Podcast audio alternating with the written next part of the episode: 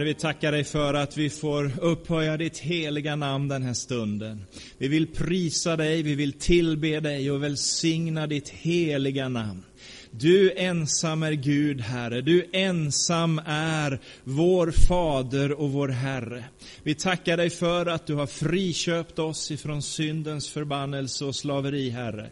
Vi tackar dig för att du har gjort oss fria i Jesus Kristus. Och vi kommer inför ditt ansikte, Herre, i så stor tacksamhet och i kärlek, Herre, därför att du är det bästa vi har, du är det viktigaste vi har. Tack att vi får upphöja ditt namn. Och nu får vi också läsa ditt ord, Herre, och försöka finna klarhet i vem du är och vad du har gjort för oss. Låt ordet bli levande, låt ordet få bli verksamt. Låt det som kommer ifrån dig leva i våra hjärtan. Och skulle något säga som inte är ifrån dig, Herre, så låt det falla dött till marken. Vi prisar dig i Jesu Kristi namn. Amen. Varsågod och sitt.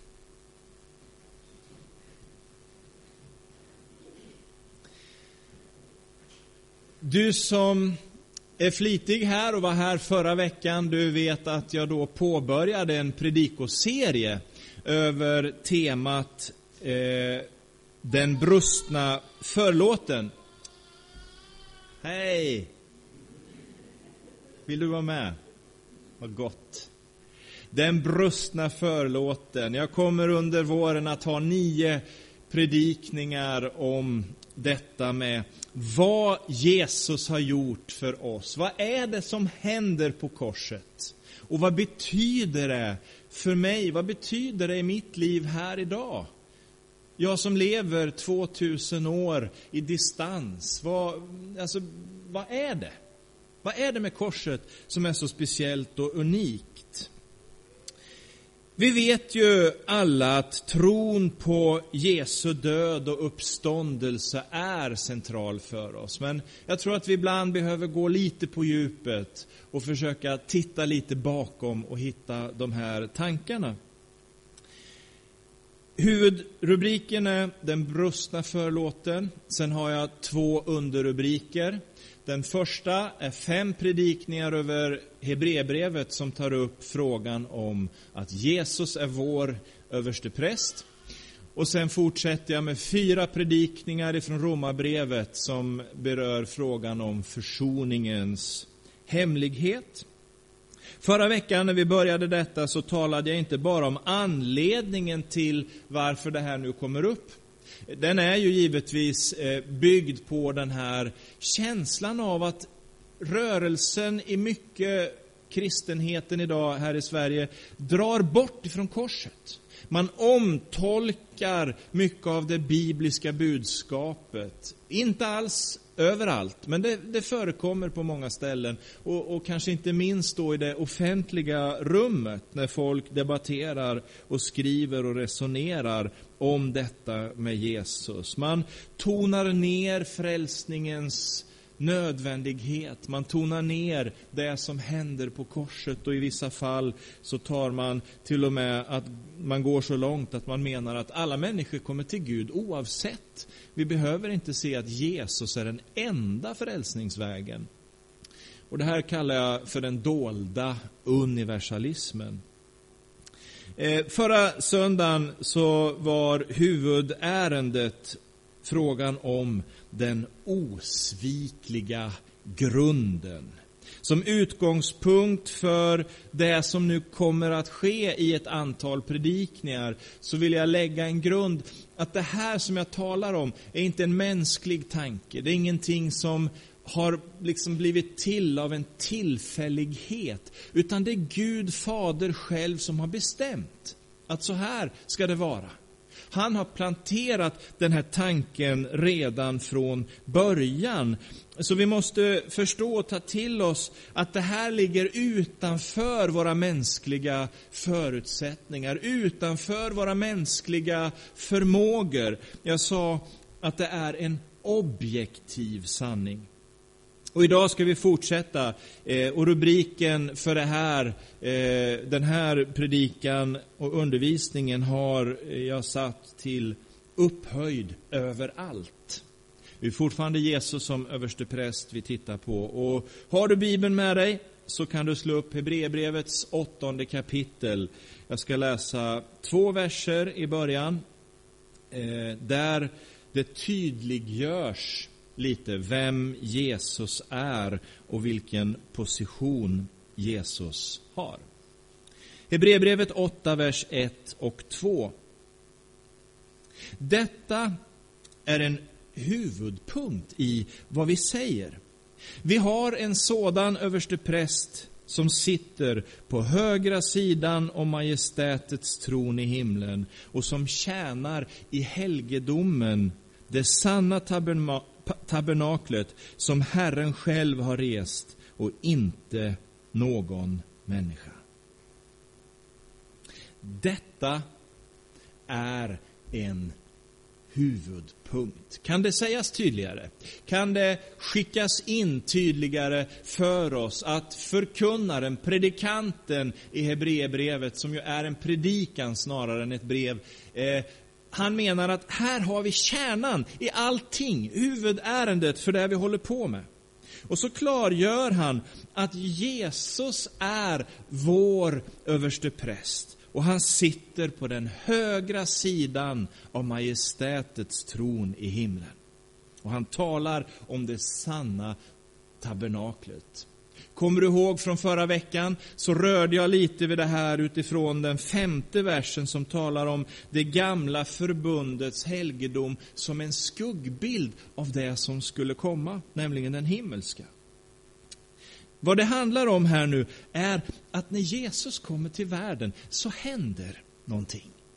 Det sker liksom en, det är som en brytpunkt i historien, i den här tidsåldern när Jesus kommer. En ny tid bryter in. En avgörande förändring inträder i vår värld. Eller som Jesus själv säger när han trädde fram i sin offentliga tjänst, Markus evangeliets första kapitel. Guds rike har nu kommit. Nu är Guds rike här. Nu är det något nytt. Därför behöver inte människan längre se framåt, från skugga mot verklighet. Nu har verkligheten uppenbarats för oss. Den ligger öppen för mänskligheterna och den verkligheten är Jesus Kristus själv. Och börjar vi nu i Hebreerbrevet så ser vi att han, predikanten, förkunnaren, vem det nu är, redan från början slår an tonen och talar om att det här handlar om Jesus Kristus. Och han förklarar vem denne Jesus är. I Hebreerbrevet 1.3 står det om Jesus att han är eh, den som utstrålar Guds härlighet och uppenbarar Guds väsen. Vill du se vem Gud är? Vill du förstå vem Gud är? Titta på Jesus. Vill du lära känna denne Gud som har skapat universum? Lär känna Jesus. Få tag på honom. Och så står det sen i fjärde versen att sonen är så mycket större än änglarna, som det namn som han har ärvt är för mer än deras. Och så bär den tanken upp hela Hebreerbrevet. Det vilar på den tanken, gång på gång lyfta upp att Jesus är inte vem som helst. Det finns ingen som kan jämföras med honom. Det finns ingen som kan ställa sig på samma nivå, eller i värsta fall över honom. Till och med änglarna som vi tycker är så fantastiska och så mycket mer än oss människor, till och med de är underlägsna denne Jesus. Nu vet ju du, som en god bibelläsare, att det här är ju inte bara Hebreerbrevet eh, som tar upp som ett ärende, utan det finns ju genom hela Bibeln och inte minst betonat i Nya Testamentet. Och för att få ett bredare stöd för den här tanken att Jesus står över allting, så kan vi ju titta och påminna oss om vad Paulus skriver till församlingen i Kolosse. Första kapitlet, vers 15 till och med 20, har vi någonting som vi brukar kalla för en kristologisk hymn. Alltså ett textavsnitt som på ett särskilt sätt lyfter upp vem Jesus är. Och i den 19 versen står det att fullheten behagade att bo i Jesus. Eller som det är översatt lite omtolkat, att Guds fullhet tog sin boning i Jesus. Och går vi till Filipperbrevets andra kapitel så har vi ett lika tydligt avsnitt som sätter Jesus i centrum. Strålkastarljuset på Jesus. Filipperbrevet 2, vers 7 till och med 9. Där skriver Paulus om denne Jesus. Han, Jesus, jag tycker det är så underbara ord. Han som till det yttre var människa han ödmjukade sig och blev lydig ända till döden, döden på korset. Därför har också Gud upphöjt honom över allting och gett honom namnet över alla namn. Där har vi det. Där kan vi fånga den här tanken. Gud har upphöjt Jesus över alla andra namn. Nyckeln ligger i att Jesus inte upphöjde sig själv. Han ödmjukade sig och lät Gud upphöja honom över allt annat. Och då kommer vi in på den andra punkten idag. Hebreerbrevets tionde kapitel, vers 12 och 13. För vad Jesus gör och som Gud låter bli grunden för hans upphöjelse är detta att Jesus har framburit ett enda syndoffer för alla tider. Han har satt sig på Guds högra sida och väntar nu på att hans fiender ska läggas som en fotpall under hans fötter. Kommer du ihåg det första som vi läste här nu idag eh, var ju att det proklameras en huvudpunkt i den här predikan som Hebreerbrevet är. Där talas det om att Jesus sitter på majestätets högra sida i himlen. Och nu återkommer det. Han har satt sig på Guds högra sida. Och det där är ju ett av alla de här ställena eller ämnena eller de här bilderna som återkommer i Bibeln och som man kanske inte alltid tänker på eller möjligen sitter och funderar på. Vad då högra sida? Vad är det för speciellt med det? En moderat eller? Nej, det finns ju en annan tanke, en djup tanke, en djup innebörd som är betydligt viktigare än någonting politiskt från höger till vänster skala. När vi möter de här orden att han är på Faderns högra sida, så betyder det bland annat att han har favör hos Gud. Det finns någonting speciellt i detta. Det betyder också att han har seger, han har kraft och han har Guds välbehag. Gud sätter honom på den högra sidan. Och det här återkommer gång på gång genom, eller genom Hebreerbrevet. Och det är lite av grundtanken bakom hans upphöjda position och lite av nyckeln till att förstå översteprästerliga tjänsten. Konsekvensen är nämligen att Jesus får alla fiender under sina fötter som en fotpall Psalm 110 kan du också läsa för att få det profeterat redan av den tiden. Vi känner igen det här från många ställen i Nya Testamentet och återgår vi till mitt favoritbrev, Kolosserbrevet, så har vi det i andra kapitlet, den femtonde versen. Där talar ju Paulus om att Jesus har klätt av välderna, han har klätt av makterna, myndigheterna, förevisat dem offentligt när han triumferade över dem på korset. Fantastiska ord. Fantastisk tanke. Det som för världen var ett nederlag och en dårskap, säger han i Korintierbrevet, är en triumf för mänskligheten.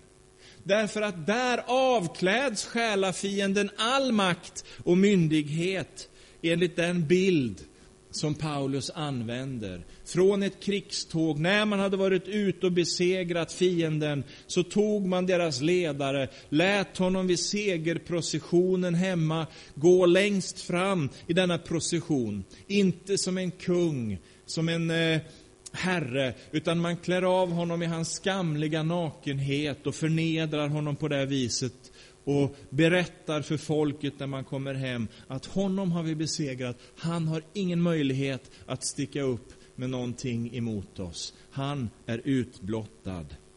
Han är besegrad. Och går vi till våra bibelsamtal på onsdagarna så kanske du också känner igen det här från Efesierbrevet, slutet av det första kapitlet. Där talar Paulus om eh, att Gud har satt Jesus på sin högra sida i himlen efter uppståndelsen, över alla furstar och väldigheter, över makter och herradömen, över alla namn som kan nämnas, inte bara i den här tidsåldern, utan också i den kommande tidsåldern. Och så är tanken tillbaka. Allt lade han under hans fötter. Samma tanke, men ett lite annat bildspråk jämfört med Kolosserbrevets andra kapitel.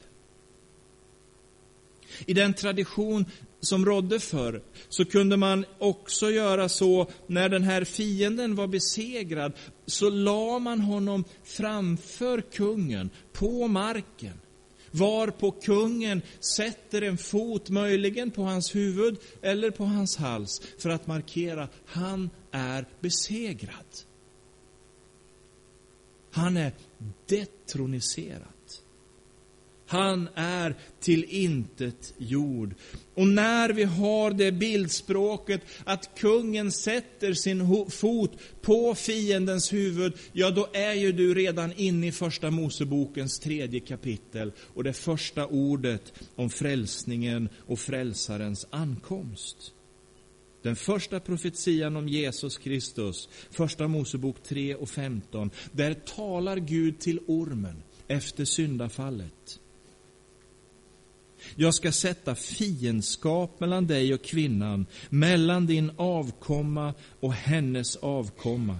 Och han ska krossa ditt huvud och du ska hugga honom i hälen. När Guds tanke bakom skapelsen har rasat, när allt har gått sönder, så öppnar Gud genast dörren till sin frälsningsplan. Och vi förstår att det här är inte ett sluttillstånd. Människan ska inte för evigt vara åtskild ifrån Gud. Jag har en plan, säger Gud. Och i den planen ska fienden, själafienden, berövas all makt och myndighet. Han ska till intet göras. Ormen ska förvisso stinga honom med hälen, alltså det ska ske genom ett lidande. Men ormens huvud ska krossas. Hans makt ska förgöras av Jesus.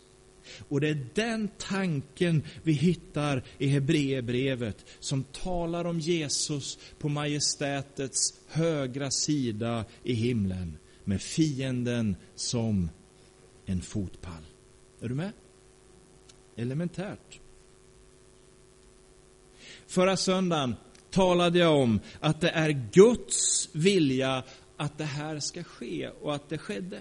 Alltså det är en objektiv sanning som inte vi kan påverka, utan det är en sanning och verklighet som ska påverka oss och våra liv. Idag har jag talat om att Gud har upphöjt Jesus över alla andra namn. Och det är han som har krossat fiendens makt för alltid. Och på den basen går vi nu in för landningen i den här predikan. Vi återgår till Hebreerbrevet och vi slår upp det nionde kapitlet. För när vi talar om Jesus som vår överste präst, så behöver vi göra det i relation till de två förbunden. Till det gamla förbundet, som vi också kan kalla Gamla testamentet, och det nya förbundet, som vi också då kan kalla för Nya testamentet. Och så läser vi Hebreerbrevet 9, vers 15 och vers 24, där det förkunnas. På den här basen som jag nu har lagt. Därför är Kristus medlare av ett nytt förbund.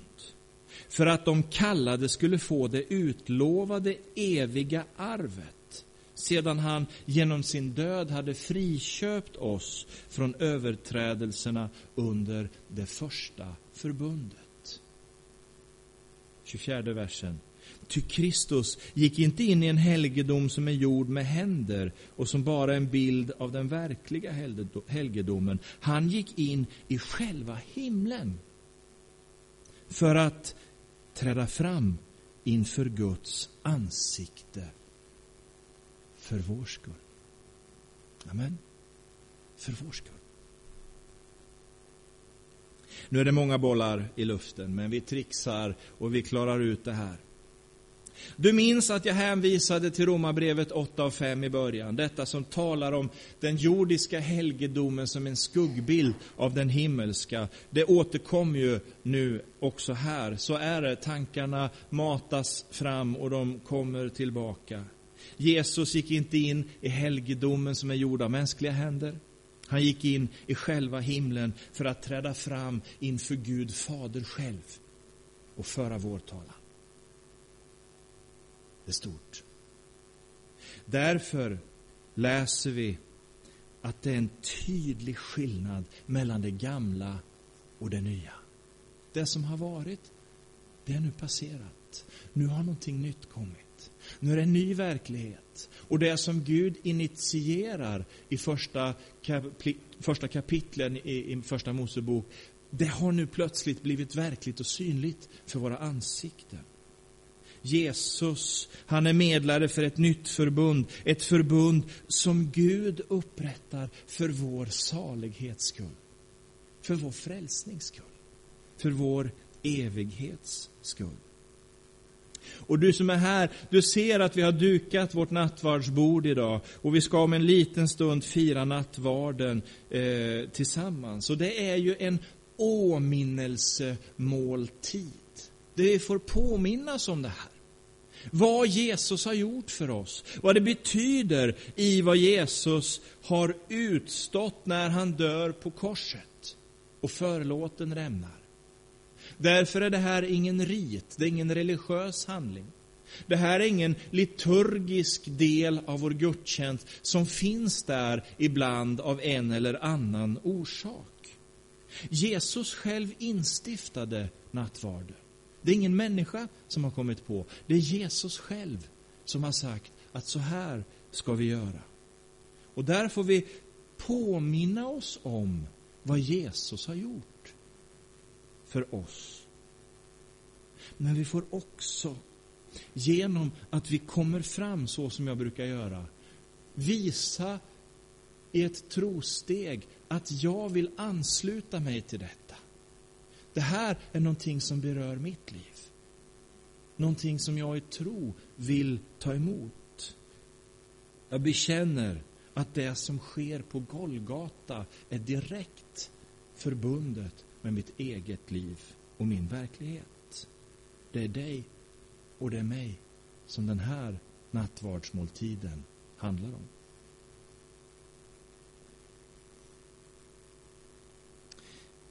Lyssna det är snart slut. Vad Paulus skriver till Timoteus passar väldigt bra här. Första Timoteus 2 och 5. Gud är en.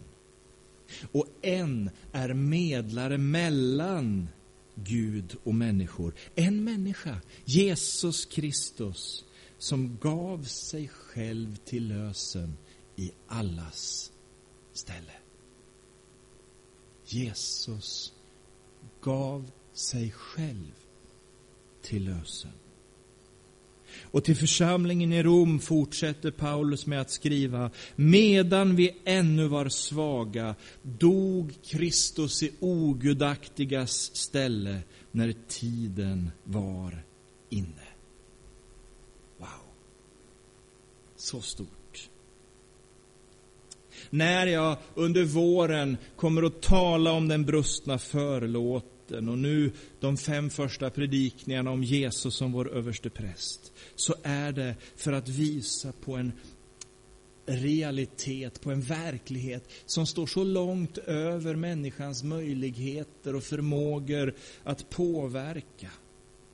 Vi kan förhålla oss till det. Genom att säga, ja, det handlar om mig, det är mitt liv. Jag tar emot Guds gåva. Eller förhålla oss genom att säga, nej, det där gäller inte mig. Jag är inte intresserad, jag vill inte ha det. Så kan vi göra. Vi kan förhålla oss till vad det handlar om. Men vi kan aldrig någonsin, lyssna, aldrig påverka vad det är och vad det betyder. Vi kan inte påverka den handlingen. Vi kan inte påverka vad Jesus har gjort. Därför att det är Gud som har planterat sanningen.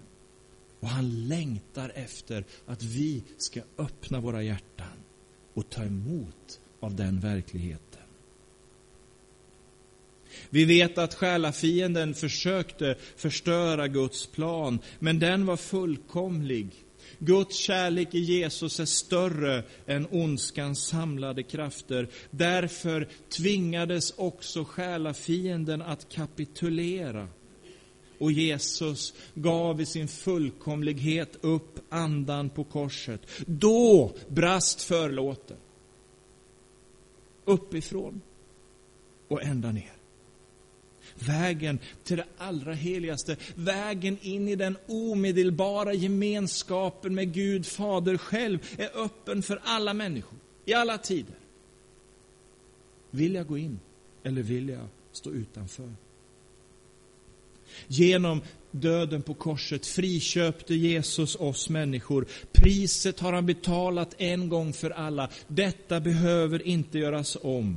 Det kan inte göras om. Det var därför han ropade. Det är fullbordat. Det är fullbordat. Nu står Jesus vid Faderns högra sida och han manar gott för dig. Han står där och talar till din förmån. Han står där och uppmuntrar Gud att bara ösa ut av sin kärlek över ditt liv. Fienden är besegrad. Fienden är avväpnad. Hans makt är avklädd. Ormens huvud är krossat. Jesu namn är upphöjt över alla andra namn. Så låt oss stämma in i denna lovsång och tillbedjan. Låt oss nu ställa oss upp och sjunga till Jesu ära om hans frälsningsverk. Så låt oss stå upp. Iris kan komma fram och spela också. Herre, jag tackar dig för att det här inte är några mänskliga tankar och myter som vi läser om i Bibeln. Detta är den största av sanningar. Och vi står här inför ditt ansikte i full beundran, Herre. I full tacksamhet och glädje över att det här är verkligheten.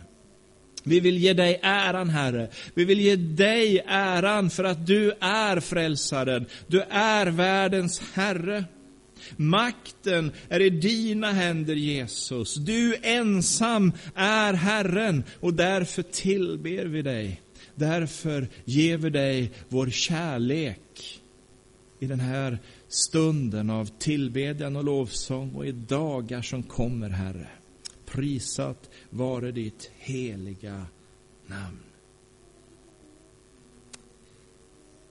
Nattvardstjärnorna får gå och göra sig i ordning och vi sjunger under tiden två sånger i ett streck. 328, Han är Herre, Jesus är Herre och 582, Makten är i Jesu händer. 328 och 582.